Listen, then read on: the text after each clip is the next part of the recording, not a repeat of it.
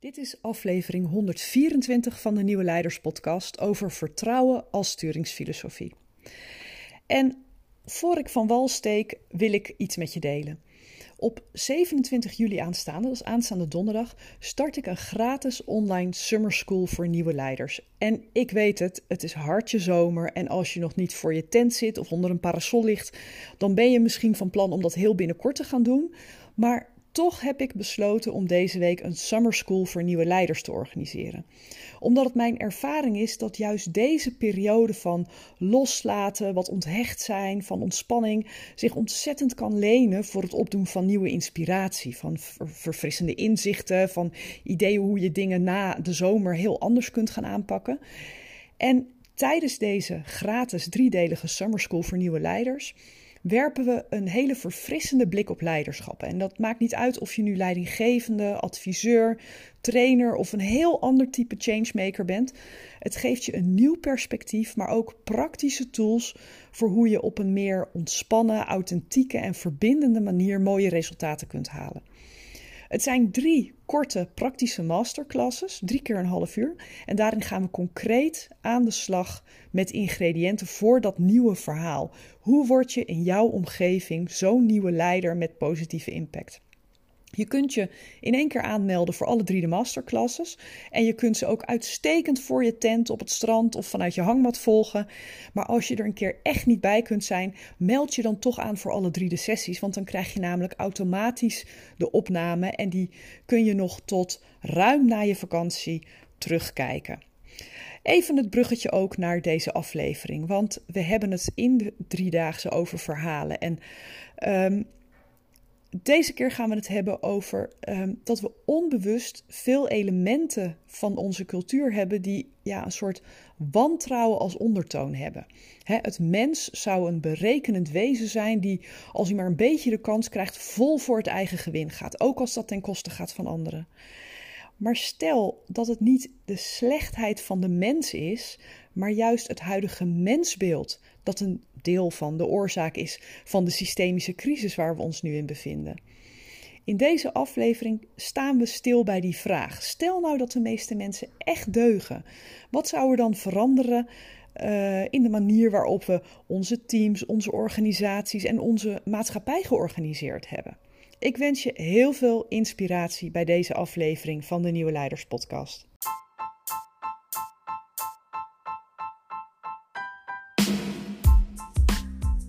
Nieuwe tijden vragen om nieuw leiderschap. Mijn naam is Petra Kuipers en vanaf deze plek neem ik je mee op onderzoek naar hoe we nieuwe vormen van leiderschap kunnen ontwikkelen in organisaties, in teams en, niet in de laatste plaats, bij onszelf. Samen herschrijven we de definitie van leiderschap. De Nieuwe Leiders Podcast is een podcast vol inspiratie en informatie voor formele en informele leiders. Let's go!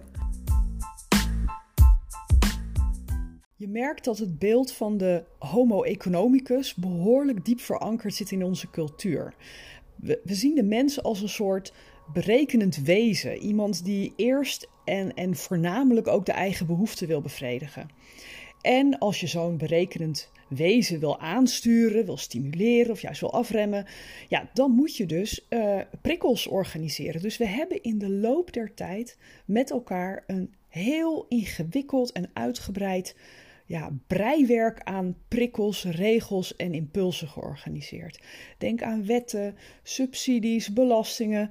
Kortom, straffen en beloningen, wortels en stokken die het gedrag zo moeten beïnvloeden dat mensen uh, maar het goede blijven doen en niet van het rechte spoor afgaan. En dat beeld van die homo economicus, dat ja, dooradert zo'n beetje alle lagen van onze realiteit.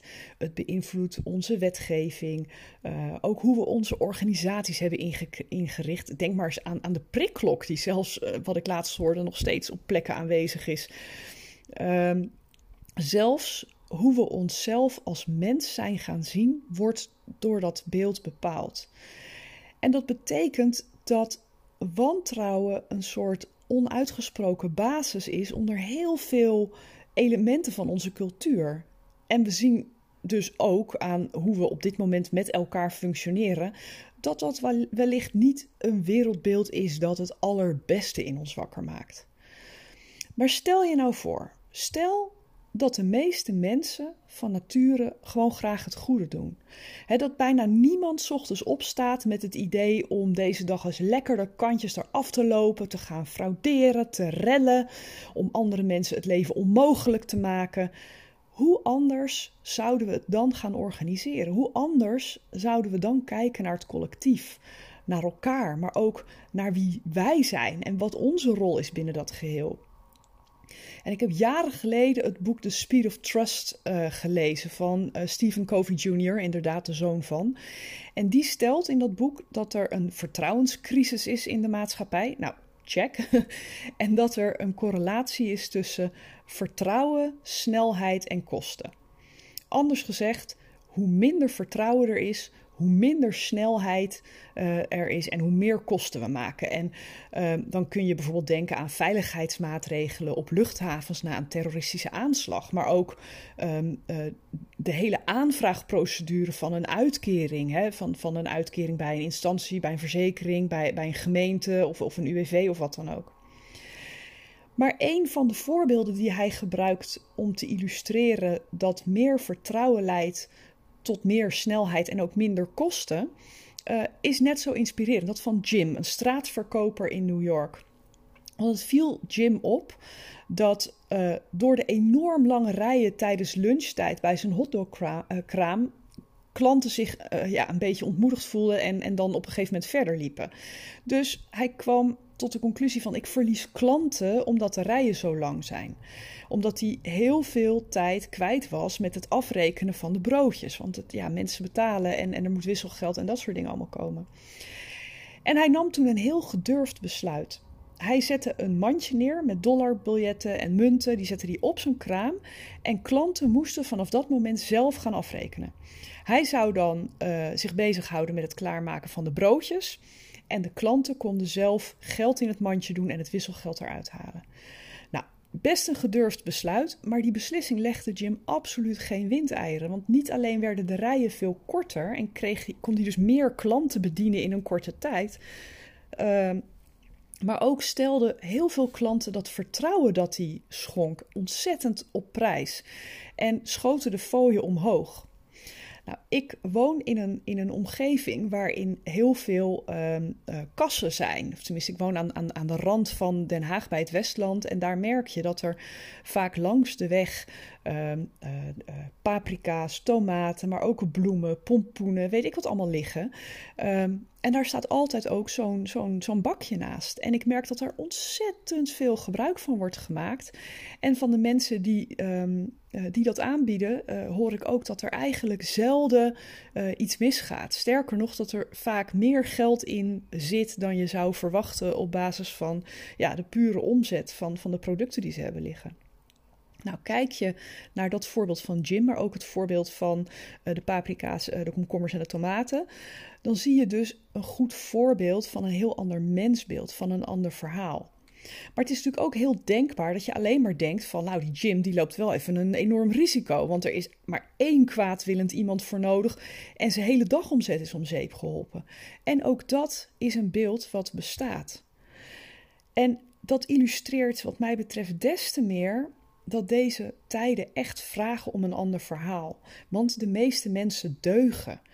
het is niet zo dat we alles om uh, enkele kwaadwillende mensen heen moeten uh, organiseren. Dat iedereen bepaalde uh, veiligheidsmaatregelen, bepaalde regelstructuren moet, moet volgen.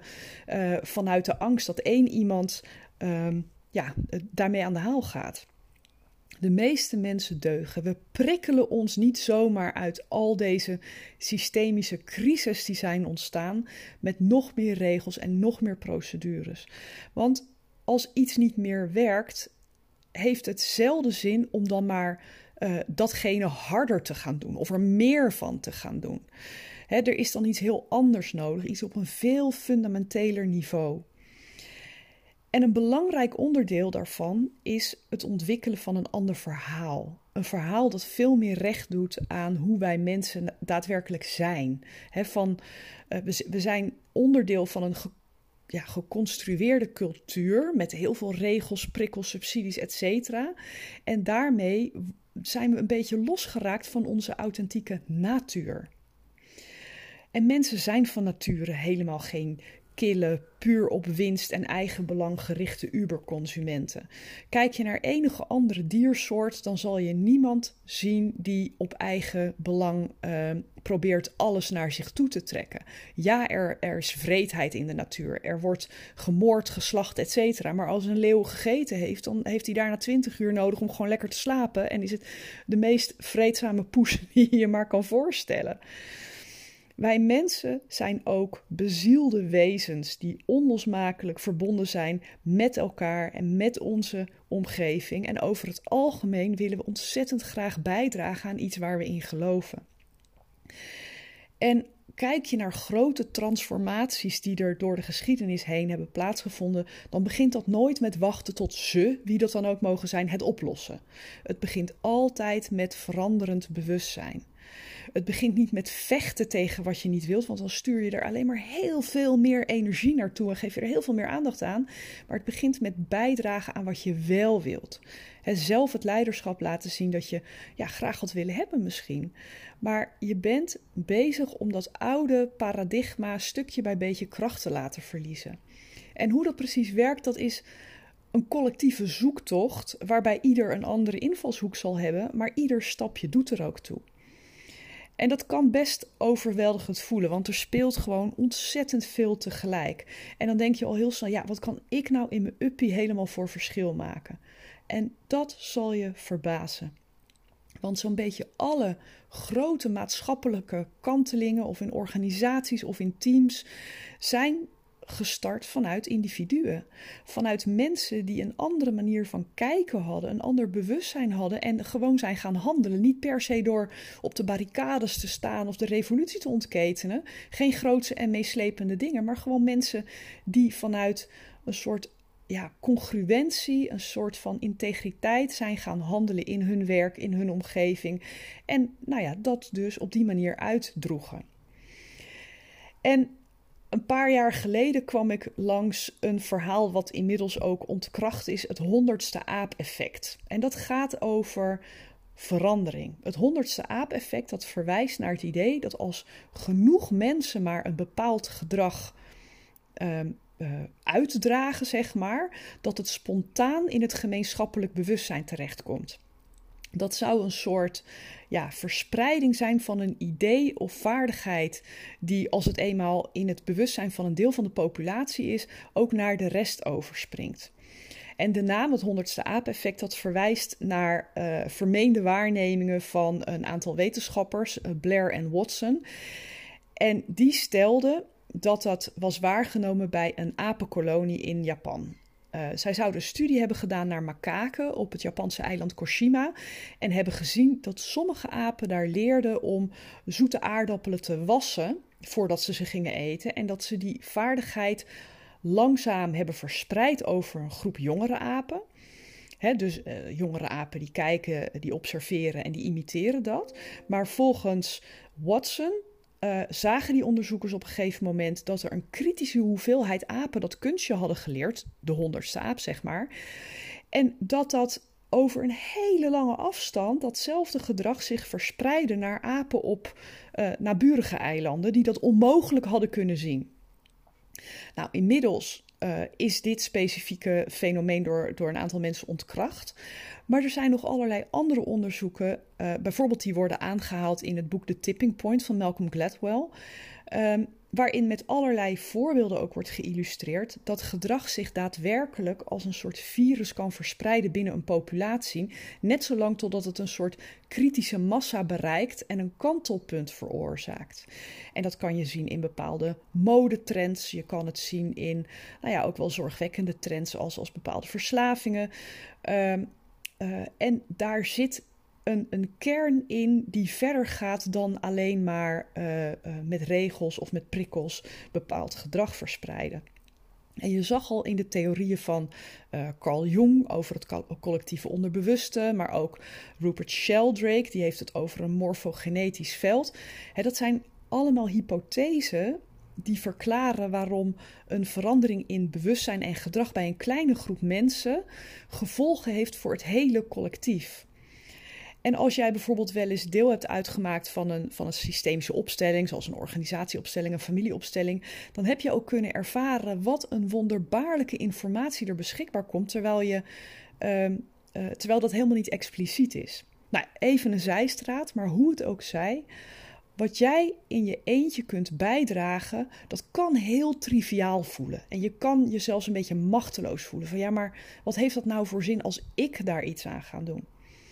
Maar besef dat ieder van ons een druppel is. En dan heb ik het niet over die spreekwoordelijke druppel op de gloeiende plaat. Maar we zijn druppels die met elkaar een krachtige golf vormen. En die golf, dat is waar de verandering vandaan komt.